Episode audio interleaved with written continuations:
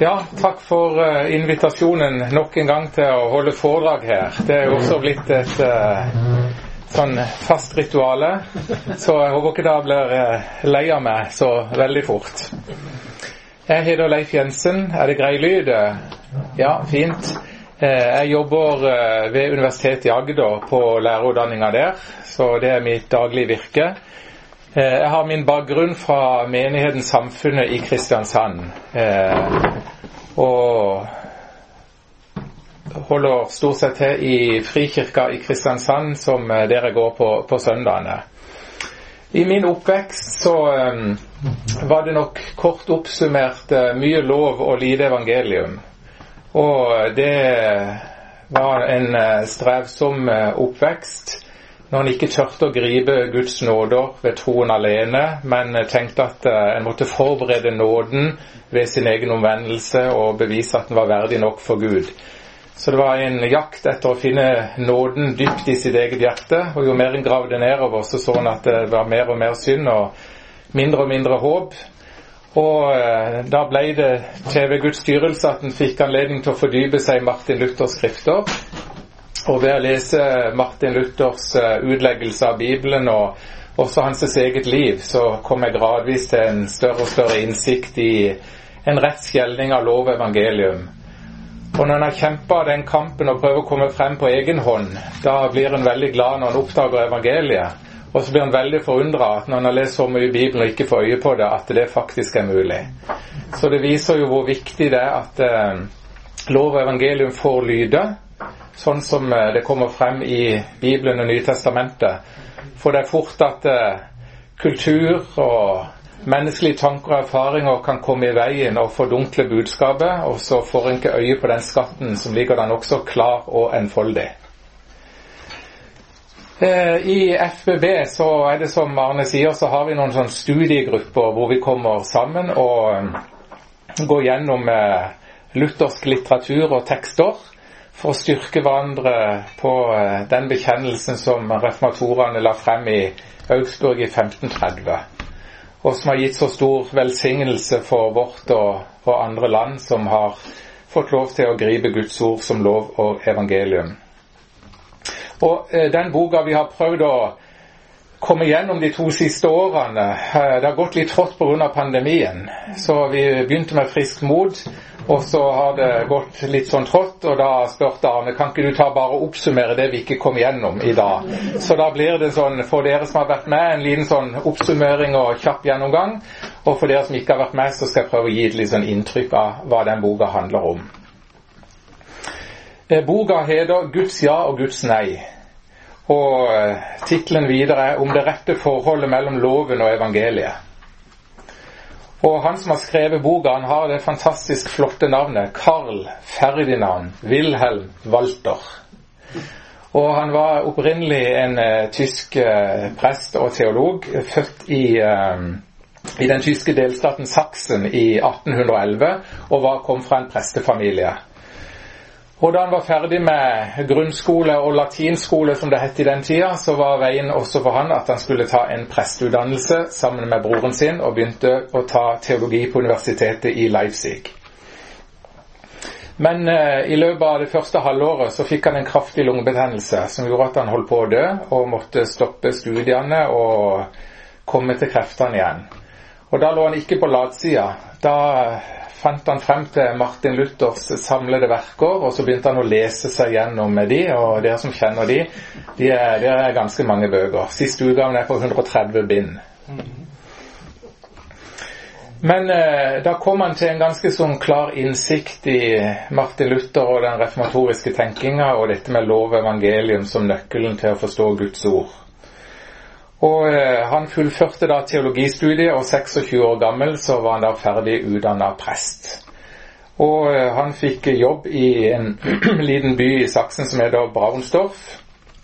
Og da erfarte han også kjapt at uh, den rådende teologiske retninga i Tyskland i 30, på 1830-tallet, det var rasjonalismen. En voldsom tro på menneskets fornuft og menneskets mulighet til å si, reflektere og finne frem til hva som var sant og riktig og godt for mennesket. Og eh, også de kirkelige rådsorganer og politiske styringer var veldig skeptiske og motarbeida prester som var mer si, konfesjonelle lutherske i sin tenkning og forkynnelse. Og de opplevde en stor nød og en nærmest forfølgelse eh, i, i Saksen. Og de ble kjent med en annen tysk eh, luthersk teolog på den tida som heter Martin Stefan. Og han eh, holdt noen flammende prekener om eh, det å dra til USA. Det å dra fra Tyskland og komme til det landet som var fritt og var håpet for alle som hadde det vondt. Så han greide faktisk å samle ca. 800 tyske lutheranere, og de dro da samla over fra Saksen til USA i 1839 med lengsel og håp om å kunne praktisere sin religiøse overbevisning i frihet fra forfølgelse. Og De var ikke den eneste som tok båtturen over dammen med den begrunnelsen der, så de fleste sånn eh, eller veldig mange religiøse bevegelser og, og, og menigheter eh, så sin mulighet og dro til USA. Da de kom frem til USA, så eh, gikk det overhodet ikke sånn som de hadde tenkt.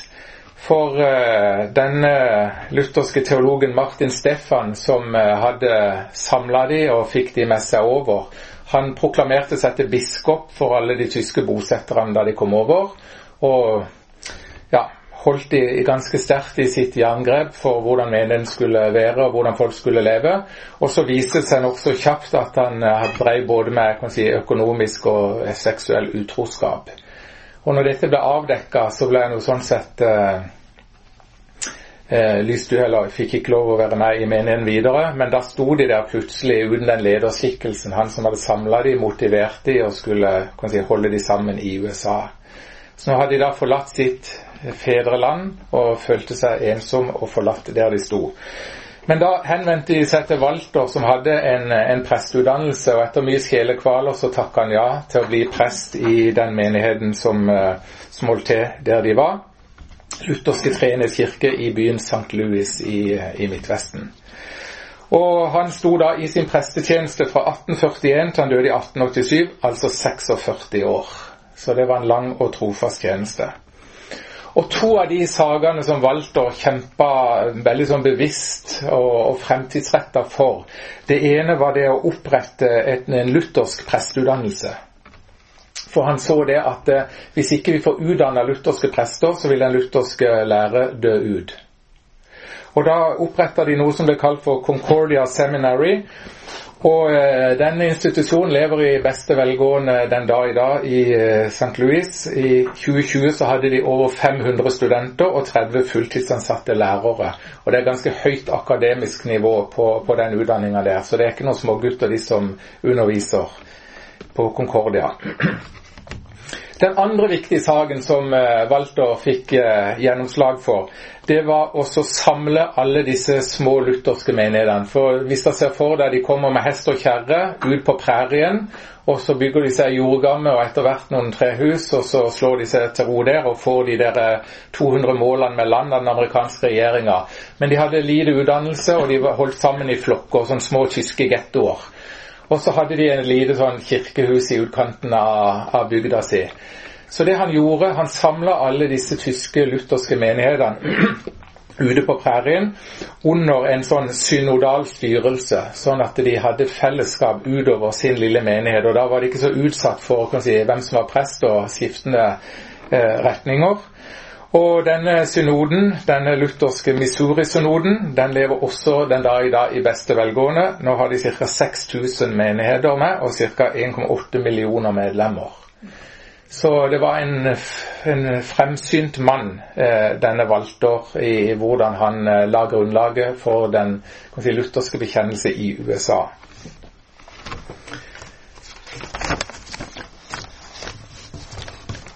Etter hvert så ble Walter professor ved dette Concordia-seminaret i St. Louis. Og han eh, så det som sitt store livskall å forkynne og undervise da i den lutherske lære. Men eh, de skriver om han at han eh, så det ikke bare som sitt livskall å undervise om Den hellige skrift, men tale Skriftens læresetning inn i studentenes hjerter, slik at de som ferdige utdanna prester kunne gå ut som levende vitner om Skriftens liv, ånd og kraft. Så det var ikke å fylle hodene med mye tung teologi, men ved dette budskapet da røre hjertene, sånn at de fikk en sann levende erfaring med dette budskapet. Og ved hjerter som var satt i brann, kunne da dra ut til de menighetene der de var kalt, og forkynne dette budskapet videre. Og Walter var en meget produktiv foreleser og forfatter, og han har skrevet en uhorvelig mengde med lærebøker og prekensamlinger og teologiske skrifter innenfor de fleste eh, delene av den kristne tro. Og En av de aller viktigste bøkene han har etterlatt seg, det er den der som vi har og eh, studert i FBB, 'Guds ja og Guds nei'. Selve boka bygger på en forelesningsrekke som eh, Walter holdt for teologistudentene i 1878. Og boka ble først utgitt etter hans død i 1897. Så boka er egentlig referater fra teologistudentene, og så ble det samla i ei bok. Han forkynte på tysk og skrev på tysk, Walter. Og boka er på sånn ca. 300 sider, så det er jo også en forholdsvis eh, omfattende bok. Eh, det som eh, boka er kjent for, det er at hun har en sånn veldig sånn muntlig og sjelesørgerisk stil, i og med at det er foredrag som eh, blir referert. Det er ikke noe han har skrevet sjøl. Men eh, når du leser boka, så kjenner du den der eh, veldig sånn tankemessige klarheten som gjennomsyrer boka. Dybde og ikke minst den sjelesørgeriske varmen. Altså Han taler til hjertene og viser hvordan eh, denne undervisninga skal skape frelsesvisshet og glede i evangeliet. Og boka ble spredde seg nokså kjapt og regnes nå i dag som en sånn klassiker innenfor konvensjonell luthersk kristendom. Så kan anbefales å ha på nattbordet. Fins både på tysk, engelsk og også på norsk. da. Så et utdrag av den boka, det er den vi har brukt i FBV. Den er forholdsvis eh, lite utdrag. Jeg vet ikke hvor mange sider hun kan være på en sånn under 100 iallfall. Så det er, ikke, det er ganske kraftig redigert. Eh, men den ble oversatt til norsk i 1977 av en som heter Gudmund Older Eide. Og Han skriver da i innledninga til denne boka at vi lever i ei etterkristen tid. Det synes klart for stadig flere og flere. Og det er lett å fristes til motløshet fordi det er så vanskelig å få øye på en kristen lære som har sitt fundament i Skriften alene sola scriptura. Fordi moderne teologi er blitt så infiltrert av all slags filosofi og menneskelige overveielser. Det er jo over 30 år siden, 40 år siden.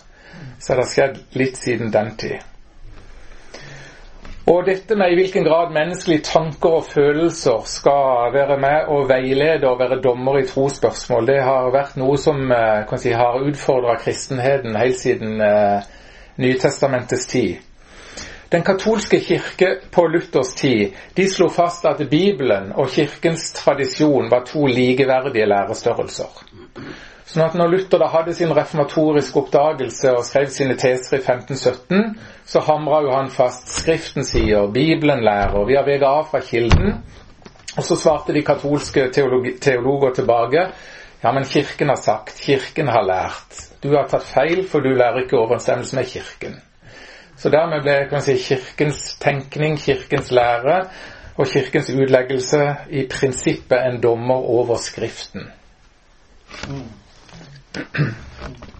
Men det var jo ved å studere selve kilden da, at Martin Luther kom til sin innsikt i dette med lov og evangelium. Og han kom da frem til at det, det var primært ved Eh, innsikten i at hele Bibelen kunne sammenfattes i to læresetninger, lov og evangelium, at han kom til en dypere forståelse av Bibelens budskap om hvordan et menneske blir frelst og får frelsesvisshet. Og Allerede i 1521 så skriver han, fire år etter eh, reformasjonen, den rette skjelningen mellom lov og tro, mellom bud og evangelium, er den høyeste kunst i den kristne kirke. Den høyeste kunst i den kristne kirke. For Luther var læren om lov og evangelium nøkkelen som åpna Skriften for han. Og det var det også for meg. Og det var jo denne innsikten nei, Walter hadde fått da han var syk. Han hadde fått med seg dette fra Luther, dette med lov og evangelium, og han hadde erfart det i sitt eget hjerte, hvilken glede og hvilken frelsesvisshet det ga ved som en bekymra og anfekta synder å kunne hvile i noe utenfor mennesket. Og Derfor sier han innledningsvis i den boka eh, om lov og evangelium den viktigste av alle læresetninger er den om rettferdiggjørelsens artikkel. Imidlertid er det en som er nesten like viktig, nemlig den om hvordan vi kan skjelne riktig mellom lov og evangelium. Og Boka til Walter er delt opp i sånn klassisk luthersk tenkning i 25 teser. Så Hvis en skal si noe viktig til Kirken, så må en jo presentere de teser. Og En tese er jo sånn sett et læreutsagn, en læresetning. Og Vi husker Martin Luthers 95 teser som han slo på Slottsdøra i Wittenberg 31.10. for 504 år siden, i 1517. Og valgte å gjøre det samme. Han starter hver forelesning med en tese, en læresetning, som han utdyper for studentene sine. Men før han går innom de 25 tesene, så tar han en sånn kort gjennomgang og forklarer for uh, disse teologi- og prestestudentene hva er det med lov og evangelium? Hvordan skjelner han på en god og riktig måte mellom det, sånn at de skulle ha en tankemessig klarhet som prester i sin forkynnelse? Og Det første han sier, det er at lov og evangelium skiller seg fra hverandre i forhold til hvordan det er åpenbart for mennesket. For eh, da vi ble skapt som mennesker, så fikk vi etter Skriftens utsagn skrevet inn loven i hjertene våre, sånn at vi visste hva som var rett og hva som var galt. Men pga. syndefallet så er denne si, lovens inskripsjon i hjertene formørka og fordunkla, sånn at vi har ikke klar og god innsikt i det lenger. Men det er likevel ikke helt borte. Vi har en viss erkjennelse av hva som er rett og galt, moral, plikt og etikk. Og når loven blir forkynt for et ugudelig menneske som lever i helt sånn åpenbar synd, hvis han er tyv eller drapsmann eller stjeler, så vil jo et menneske kan si, vite det i sitt eget hjerte at eh, jeg har brutt loven. Jeg stjeler, jeg er en tyv, jeg dreper. Så sånn sett så er det da en respons i menneskets hjerte på Guds lov. Men når en ugudelig får høre evangeliet, så er det om at eh, du kan få syndenes forlatelse gratis av nåde for Jesus skyld, så er det ikke noe gjenklang i menneskets hjerte i utgangspunktet. Det er et fremmed, merkelig og uforståelig budskap. For det er mye lettere å forholde seg til at den som gjør det rette, skal få sin belønning, og den som gjør det gale, skal få sin straff. For det andre så skiller loven og evangeliet seg fra hverandre i forhold til innholdet. Loven sier oss hva vi skal gjøre, og hvordan vi skal være. Mens evangeliet utelukkende forteller oss hva Gud gjør og har gjort for oss. Loven snakker om våre hjerter, gjerninger, og evangeliet snakker om Guds gjerninger. Det er den andre forskjellen. Den tredje skiller eh, fra hverandre pga. løftene. For både lov og evangelium lover det samme til mennesket. Evig liv. Men det er en stor forskjell. For loven sier at den som holder loven til punkt og prikke, skal bli salig. Men eh, vi har nok erkjent og innsett, noen og enhver av oss, at eh, den veien er ikke helt enkel å gå. For ingen mennesker makter det som loven krever av oss, hvis vi er ærlige. Loven lover oss mat, men han kan aldri gi oss det. For betingelsen er at vi skal holde loven fullkomment som Gud sjøl. Med evangeliet er det annerledes, for der lover Gud oss nåde og frelse uten betingelser. Den spør ikke om noe annet enn om vi vil ta imot det han gir. Det er ingen betingelser knytta til evangeliet. Det er bare en vennlig invitasjon om å komme og få. For det fjerde, sier Walter, så er det en forskjell i forhold til eh, trusler. Loven sier at den som ikke holder budene, skal gå fortapt. Mens evangeliet inneholder ingen trusler i det hele tatt, bare trøsterike ord. Og så sier han for det femte er det en forskjell i forhold til virkninga til lov og evangelium. Han sier at loven har tre virkninger. For det første sier han hva vi skal gjøre og hvordan vi skal være, men han gir samtidig ingen kraft til å oppfylle det han krever. For det andre avslører loven syndene våre, men bringer ingen hjelp til seier. Og for det tredje virker loven anger og frykt, men har ingen trøst å bringe. Evangeliet har et helt annet budskap. Den første virkninga til evangeliet er at når dette budskapet får lyde uten betingelser, så øh, det første virkningen til evangeliet at når evangelisk budskap kommer til mennesket med oppfordring til å tro og ta imot, så har budskapet i seg sjøl en kraft til å kunne ta imot. Så kraften ligger i selve budskapet. For når budskapet om frelsen i Jesus Kristus blir forkynt, så bringer dette budskapet med seg en tillit og en kraft til å ta imot og stole på det, hvis vi ikke aktivt står imot og ikke vil høre. Den andre virkningen av evangeliet er at det anklager ikke synderen, men tar bort all frykt og angst og fyller det med fred og glede i Den hellige ånd. Og for det tredje krever heller ikke evangeliet noen gjerninger av oss mennesker. At vi skal få et godt hjerte, at vi skal bli mer gudelige og kjærlige overfor Gud og mennesker. Det inneholder absolutt ingen krav. Men det omskaper mennesket og fyller det med Guds kjærlighet og setter mennesket i stand til at det kan gjøre gode gjerninger. Men det er ikke en krav som vi skal oppfylle. Og Den siste forskjellen han peker på i forskjellen mellom lov og evangelium, sier han kommer tydelig til syne i forhold til hvem det primært skal forkynnes for. Lov og evangelium skal forkynnes for alle mennesker, både ugudelige og troende. Men lovens forkynnelse har sin primæroppgave inn mot trygge og forherda syndere, mens evangeliet har sin primæroppgave inn mot syndere som er blitt urolig for syndene sine. Loven skal forkynnes for trygge syndere, evangeliet for vakte syndere. Og Walter avslutter denne innledninga med disse seks punktene med å formane teologistudentene med disse ordene her. Til fattige, sørgende syndere, jeg gjentar, skal ikke et eneste ord av loven forkynnes. Forbannet være den som fortsetter å preke loven for en bedrøvet synder. Tvert imot skal forkynneren si, kom bare, det er rom for deg. Det spiller ingen rolle hvor stor synder du er. Om du var en Judas eller en Kain, så er det rom for deg. Kom derfor bare til Jesus. For slike mennesker er de rette til å ta imot evangeliet. Så skal jeg gå innom eh, kort noen av de tesene da, som eh, Walter eh, tar opp med, med studentene sine. Og eh, I tese 3 så sier han sånn Å skjelne rett mellom lov og evangelium er den vanskeligste og høyeste kunst for de kristne rent generelt, og for teologer i særdeleshet. For det kan kun læres av Den hellige ånd i erfaringens skole. Og så sier han eh, at eh, dette at det er den vanskeligste og høyeste kunst, er ikke fordi det er så vanskelig å forstå hva lov og evangelium er for noe han sier at det, det, er så lett at selv et barn kan til en viss grad forstå og iallfall ta imot. Men valgte å peke på at det er selve anvendelsen og skjelninga av lov og evangelium i sitt eget hjerte, i sin egen samvittighet, som er så krevende og vanskelig at ingen kan trenge igjennom og hvile i det uten ved Den hellige ånd.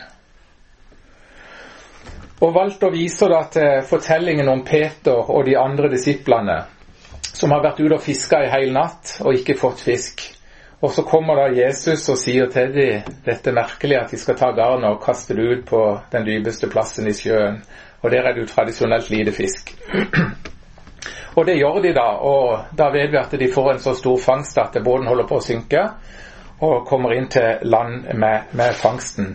Og da Peter får øye på, på, Jesus, så løper han ikke bort til Jesus og takker han for dette gode fisketipset som de fikk. I stedet så står det da Simon Peter så Jesus, kastet han seg ned for føttene og sa, Gå fra meg, Herre, for jeg er en syndig mann. Så i møte med Jesus så blir han redd og ber Jesus gå fra han. For synden hadde han en innsikt i, og han frykta Jesus på grunn av synden.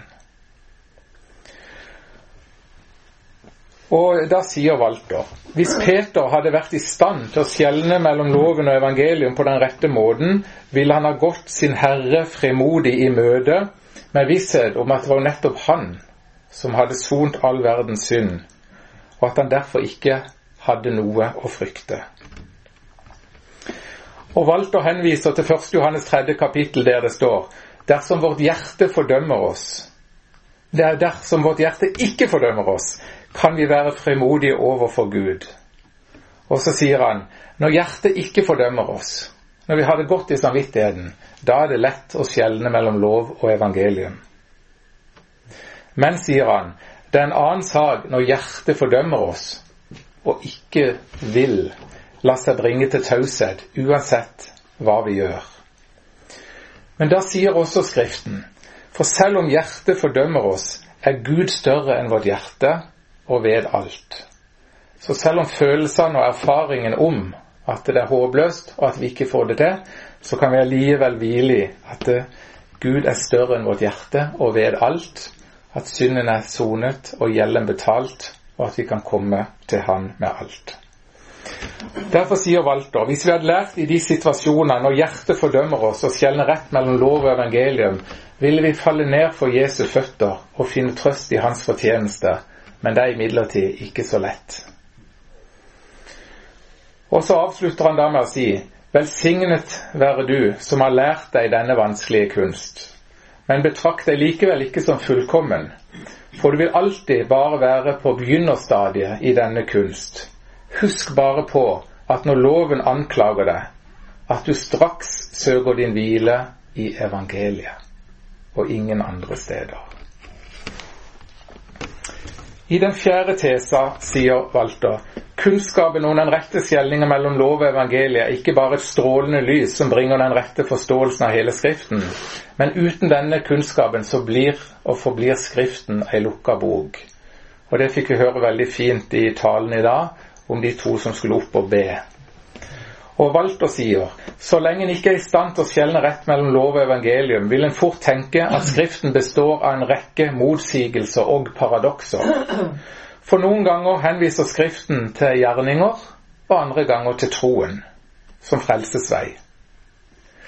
Da husker sikkert fortellinga om den rike unge mannen som kommer til Jesus og spør hva han skulle gjøre for å bli frelst og få evig liv. Og da svarer Jesus nokså overraskende. Virker jo nærmest selvmotsigende og et paradoks. Vil du ha evig liv, så hold budene. Og så husker dere kanskje da Paulus hadde i fengsel i Filippi. Og eh, det ble et eh, voldsomt jordskjelv som gjorde at lenkene løsna. Og så ville fangevokteren ta sitt eget liv. Og så, han, eh, så roper Paulus til han at ikke han skal gjøre seg noe. Og så spør han hva han da skal gjøre for å bli redda. Og Paulus sier til han, tro på Jesus, så skal du og hele ditt hus bli frelst. Så her hører vi at eh, Jesus henviser en til budene, og Paulus henviser en annen til Jesus som frelsesvei. Og da sier Walter hensikten med loven er å bringe mennesket til erkjennelse at det er en synder, og at det er fullstendig ute av stand til selv å oppfylle lovens krav. På den annen side står evangeliet der og sier at alle syndere som kommer til Jesus og tar imot Hans nåde, får del i Jesu rettferdighet. Og Jesus, som var en hjertekjenner, han så denne rike unge mannen som kom til ham, at han trengte å høre loven for å komme til erkjennelse at han var en synder som trengte nåde. For da Jesus hadde forelagt ham budene, så svarte han ja, men alt dette har jeg jo holdt. Og da Jesus pirka litt videre i livet hans, så ba han gå bort og selge alt han hadde, og gi det til de fattige. Så står det at han gikk bedrøva bort, for han eide mye. For denne rike mannen kom jo ikke til Jesus for å få hjelp, han kom jo for å få skryt av hvor, hvor vellykka han var, og godt han hadde gjort det. Og da så Jesus at han trengte noe annet enn å høre evangeliet. Fangevokteren i Filippi derimot, han ville ta sitt eget liv fordi han virkelig hadde mislykkes. Han hadde fått én oppgave av sine overordna, det var vokte over Paulus og Silas, at ikke noe skjedde med det. Og så kommer det et voldsomt jordskjelv, sånn at dørene åpner seg og lenkene løsner. Ikke bare på Paulus og Silas, men på alle fangene i fengselet. Og da var han så fortvila at han tenkte den eneste måten han kunne komme unna dette, var med å ta sitt eget liv. Til han sier ikke Paulus at han skal holde budene. Nei, han sier til han tro på Jesus, så skal du og alle i ditt hus bli frelst. Han fikk høre evangeliet, og ble døpt sammen natta, og så står det om han. Han gleda seg sammen med hele sitt hus over å ha fått troen på Gud. Han hadde fått en gave. Han hadde fått troen. Så da merker vi den store forskjellen. Disse to ulike lov og evangelium hadde fått virke på to mennesker. Den ene ville frelses ved lovens vei. Han gikk bedrøva bort. Den andre hadde kommet til kort i livet og mislykkes totalt. Men han fikk høre evangeliet om Jesus, og han står der han gleder seg stort over å få troen på Gud. Tese 8. Det blir galt dersom man forkynner loven for de som allerede er forskrekka over sine synder, eller evangeliet for de som er trygge og sikra i sine synder. Så dette er jo litt av det samme. Og Walter innleder denne tesa med å henvise til første Timotus brev, som viser oss den rette bruken av loven. Og Den tror jeg var innom i, i talen hvis ikke jeg husker feil. Vi vet at loven er god når vi bruker den rett. Så det er en rett bruk av loven. Loven er ikke bestemt for den rettferdige, men for lovbrytere, ulydige, ugudelige, syndere, spottere, gudsfornektere osv. Det er disse loven er for. Når det gjelder den rette bruk av evangeliet, så henviser han til Jesajas 61. Herren sendte meg for å forkynne et godt budskap for hjelpeløse, for å forbinde de som har et knust hjerte.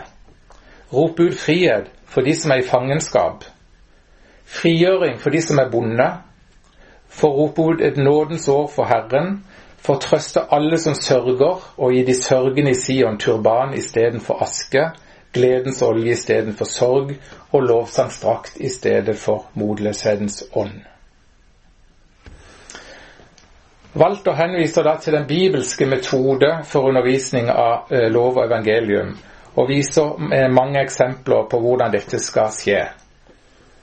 En av fortellingene han henviser til, er Peters preken på pinsedag, hvor han står frem etter at menigheten var kommet i full forvirring når de hørte disiplene kunne prate alle de språkene som var til stede i tempelet i Jerusalem, og mente at eh, de var fulle og gått fra forstanden. Og så starter han da sin preken på denne måten her. Israelitter, hør disse ord. Jesus fra Nasarat var en mann som Gud pekte ut for dere med mektige gjerninger og under og tegn som Gud lot ham gjøre blant dere. Alt dette kjenner dere til. Han ble utlevert til dere slik Gud på forhånd hadde bestemt og kjente til. Og ved lovløshetens ånd naglet dere ham til korset og drepte ham. Det er nokså direkte tale. Men Gud reiste han opp og løste ham fra dødens rier. Døden var ikke sterk nok til å holde han fast. Så nå skal hele Israels folk vite for visst denne Jesus som dere korsfesta, han har Gud gjort til Herre og Messias. Dette var lovens klare tale. Peter starta ikke sin preken med evangeliet og trøste dem. Men han klagt, anklagte de for å ha korsfesta og drept Guds egen sønn. Ikke lite anklage. Og hvordan virka da dette lovens budskap på de som hørte? Da står det da de hørte dette, stakk det de i hjertet. De ble redde. Og så spurte de hva skal vi gjøre? Loven hadde fått virke frykt. Når loven hadde vist dem hva de hadde gjort og hva slags situasjon de var kommet i, står Peter like tydelig frem med evangelisk glade budskap. Vend om og la deg døpe Jesu Kristi navn, hver og en av dere, så dere kan få tilgivelse for syndene og Den hellige ånds gave. For hør, for løftet gjelder både dere og barna deres, og alle som er langt borte, så mange som Herren vår Gud kaller på. Og så står det de som tok imot budskapet, ble døpt, og den dagen ble det lagt over 3000 til menigheten.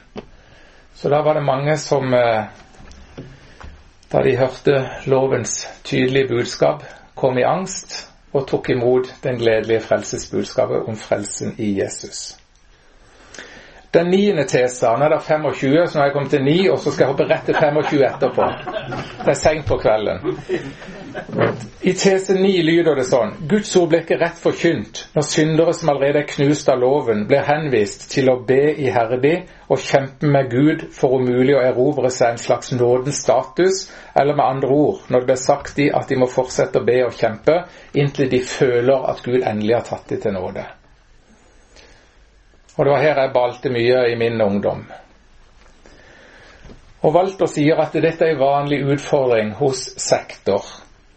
For han sier at sektene ofte forkynner loven med å ha mest fokus på helvetes pine og beskriver levende hvor fælt det er å komme dit, og ikke først og fremst for å avkle mennesket sin egen rettferdighet. Så sier han, men en feilaktig forkynnelse av loven er likevel ikke det verste sektene gjør. De forkynner ikke evangeliet for de vakte og de redde. De tror at de begår den aller verste synd hvis en gir for fort trøst og lindring til et menneske. I stedet så kommer de med ei lang liste over hva som må bringes i orden før de kan være trygge på at Gud vil være de nådige. De må be så og så mye, lese så og så mye, gå så og så mye i kirke og være sånn og sånn. Og skal de jobbe seg frem helt til de får en følelse at Den hellige ånd er glad i dem og har tatt dem til nåde, og at de kan stå frem i menigheten og rope halleluja. Men så sier han denne følelsen kan være grunnlagt på noe falskt. For det trenger ikke være Den hellige ånds vitnesbyrd i hjertet, men en rent psykologisk suggesjon som er skapt ved predikantens forkynnerpraksis. Og dette er en forklaring på at de kan møte alvorlige kristne som i det ene øyeblikket er glad for å ha fått nåde, og i neste øyeblikk er like redde for at de har mista han igjen. Og så sier han at denne feilaktige forkynnelsen skyldes tre alvorlige misforståelser. For det første, verken tror eller lærer sektene en fullstendig og virkelig forsoning mellom Gud og menneskene. De ser primært Gud som en streng dommer som må, bli, ble, som må bløtgjøres med menneskets gråt, anger, botsgjerninger osv. Og sektene tegner et bilde av forsoninga som den skulle bestå i at Gud for Kristi skyld er villig til å være nådig mot oss, forutsatt at vi er villige til å la oss forsone med Gud. Men Bibelen sier mens vi enda var syndere, eller mens vi enda var Guds fiender, ble vi forsona. Mens vi enda var fiender, ble vi forsona ved hans sønns død. Når vi nå er forsona, hvor mye mer skal vi ikke da bli frelst ved hans liv? Så forsoningen ligger ferdig. Det er ikke noe vi skal gjøre oss fortjent til å blidgjøre Gud i forhold til. Og så henviser han til dette språket. Også dere var en gang fremmede og fiender av Gud i sinn og tanke med de onde gjerningene deres. Men nå har Han forsonet dere med seg, da Kristus led døden i sin kropp av kjøtt og blod hellige, og uten feil og uangripelig vil han føre dere fremfor seg. Dere må bare bli stående i troen, grunnfestet og stødige, uten å la dere rive bort fra det håpet som evangeliet gir. Walter sier derfor kreves det ingenting fra menneskets side for å forsone Gud. Han er allerede forsona. Det kreves ikke noe av mennesket først. Hvis noen blir ledet slik, vil det være en forferdelig forbrytelse, et slag mot nåden og forsoningen og den fullkomne løsningen som er tilveiebrakt ved Guds egen sønn. Så sier han for det andre lærer sektene galt med hensyn til evangeliet. De betrakter det som en slags instruksjon for mennesker om hva de skal gjøre for å bli sikre på Guds nåde, mens evangeliet i realiteten er en proklamasjon av syndenes forlatelse for Jesus skyld. Og det tredje han sier de lærer feil om, det er i forhold til troen. De betrakter den som en slags kvalitet i mennesket, noe som gjør de bedre og annerledes enn de var før. Og sant nok så forandrer troen mennesket. Det bringer med seg kjærlighet. Og troen kan ikke eksistere uten kjærlighet, like lite som ild uten varme. Men det er ikke troens kvalitet som er årsaken til at Gud er nådig mot et menneske og gir det Kristus har lovet. For alt det den troen er og har, det har han fra noe utenfra seg selv. Fra han som bærer verdens synd. Fra han som ropte på korset det er fullbrakt. Fra han som sier 'Kom til meg, alle dere som strever og bærer tunge byrder, og jeg vil gi dere hvile'. Den siste tesa, det er den 25. tese, og den lyder slik Ordet blir galt brukt når predikanten som underviser, ikke tillater evangeliet å ha den primære rollen i forkynnelsen. Han sier lov og evangelium blir forvekslet og misforstått av tilhørerne når loven får spille en for dominerende rolle i forkynnelsen, eller hvis lov og evangelium skulle ha like mye plass. I stedet for å eh, ja, og valgte å henvise til misjonsbefalingen hos Markus for å vise dette, hvor Jesus sier til disiplene Gå ut i hele verden og forkynn evangeliet for alt som Gud har skapt. Gå ut i hele verden og forkynn evangeliet for alt som Gud har skapt. Dersom tilhørerne skulle tenke at dette var et for stort ord til å tørre å ta imot, så sier Jesus umiddelbart for den som tror og blir døpt, skal bli frelst. Sånn at de virkelig skulle forstå hva Jesus mente med ordet evangeliet. Og så sier Jesus den som ikke tror, skal bli fordømt. Og så sier Walter også dette er godt å høre. Den som ikke tror, skal bli fordømt. For Jesus sier ikke den som har syndet så og så lenge, eller så og så alvorlig, skal bli fordømt. Han slår fast at den eneste grunnen til at mennesket går fortapt, er menneskets vantro, at de ikke vil tro evangeliets løfte om syndenes forlatelse. Derfor poengterer Walter tydelig for disse prestestudentene at når de skal tale om denne lille biten på prekestolen, så må de ikke betone setningen slik den som ikke tror, skal bli fordømt. Men den som ikke tror. For hvis noen går fortapt, er det ikke pga. kvaliteten på troen hos den enkelte, men at de ikke tror evangeliets løfter. Walter avslutter da gjennomgangen av lov og evangelium med denne formaninga til sine prestestudenter. Tenk på at du selv kanskje en dag skal bli prest for en menighet. Gi Gud en ed på at du vil etterfølge apostlenes eksempel, slik at du ikke står på talerstolen med et begredelig ansikt som om du innbød folk til sin egen begravelse. Men vær heller som en brudgom som skal føre sin brud til bryllupsfesten. For dersom du ikke sammenblander lov og evangelium, vil du alltid kunne gå på talerstolen med glede i sinnet, og forsamlingen vil forstå og merke at gleden skyldes det glade budskapet du får lov til å bringe frem for tilhørerne. Så når han leser denne boka hos Walter, så merker han at det var viktig for han å få frem dette budskapet. Han taler med hjertevarme og tyngde om dette med skjelne lov og evangelium som nøkkelen til å forstå Bibelens budskap om hvordan et menneske kommer til tro og får frelsesvisshet. For det motsatte, uklarhet i forkynnelsen av lov og evangelium, kan føre til at mennesker blir hindra fra å tro evangeliet. Og uklarhet i forkynnelsen av lov og evangelium kan føre til at troende mennesker kommer i unødig samvittighetsnød, og ikke tror sin egen frelse eller blir usikker på det. Så vi som gjennom lovens forkynnelse har fått sett vår synd og maktesløshet i å frelse oss selv, og gjennom evangeliets budskap har fått tillit til å gripe Guds nåde i Jesus Kristus. Vi vet også at dette er ikke noe som er gjort en gang for alle. Jeg husker den gangen jeg brøt gjennom. Jeg husker den gangen jeg kom til tro, og så er en ferdig med dette. Sånn er det ikke. Walter sa jo tidligere velsignet er du som har lært deg denne vanskelige kunst, men betrakt deg likevel ikke som fullkommen, for du vil alltid bare være på begynnerstadiet i denne kunst.